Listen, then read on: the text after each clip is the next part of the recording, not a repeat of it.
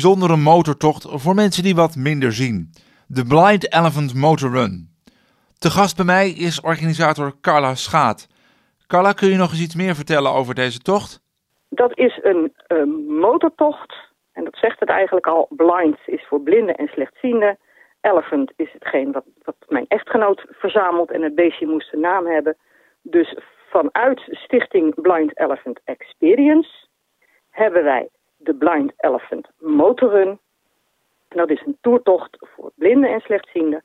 Achterop een trike of in de zijspan. Geheel gesponsord. Geheel verzorgd. Van koffie met gebak tot een pannenkoek toe s'avonds. Je bent echt van 10 gaat de zaal open tot 7 uur ben je onder de pannen. Uh, de treinreizigers die komen, die worden opgehaald met een bus van Cassing Tours en door vrijwilligers van het perron afgeplukt op station Driebergen-Zeist en heen en weer gebracht. Blinde geleidehonden mogen meegenomen worden worden verzorgd door ITAM Service. Die gaan naar het hondenparadijs. Ja, je kan dus echt wel zeggen dat aan alles gedacht is. De motortocht wordt normaal gesproken eens in de twee jaar georganiseerd. Eigenlijk dus ook voor dit jaar. Maar ja, zoals bij zoveel evenementen gooit ook hier corona roet in het eten. Uh, het bestuur is bij elkaar gekomen en uh, ik probeerde het nog uit te stellen op, tot het laatste moment om hem te verzetten. Maar uh, de secretaris die heeft derde stem, dus die hakte voor mij de knoop door en het, het moest stopgezet worden.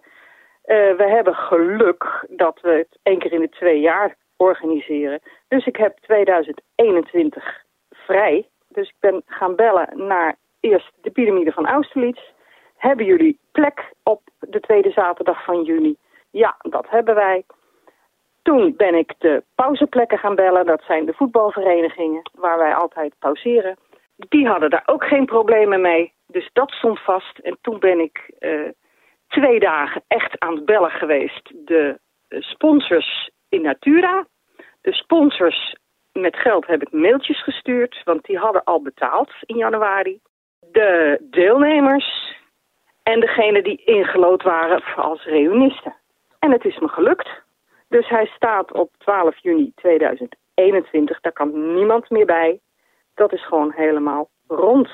Maar je hebt nog plekken voor 2022. Nu heb ik nog drie plekken voor kinderen van 6 tot 15 jaar. En ouder natuurlijk, maar kinderen van 6 tot 15 jaar mag een ouder mee. Daar heb ik plek voor.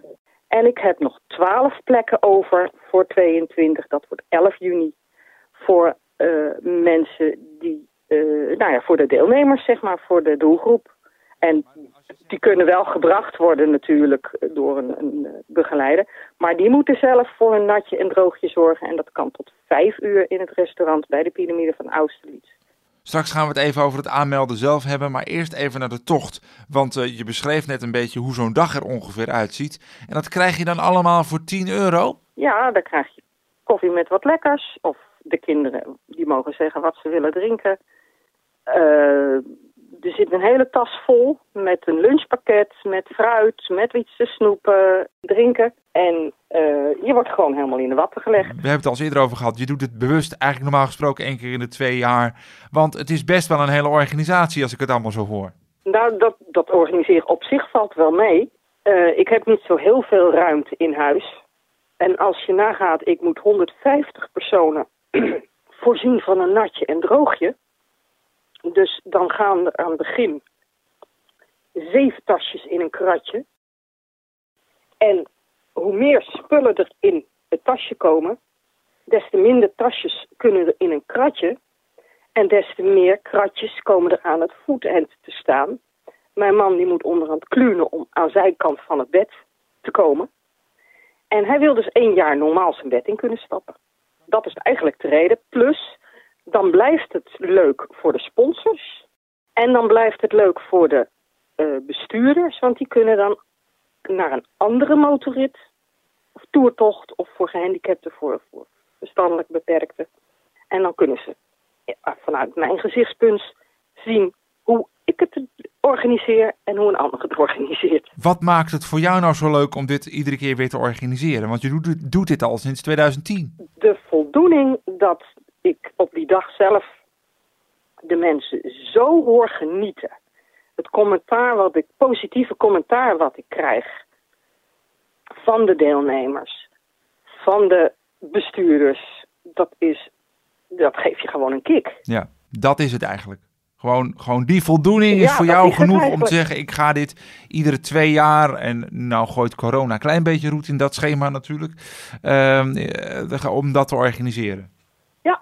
En ik, eh, het is zelfs zo erg dat ik mijn man ermee besmet heb.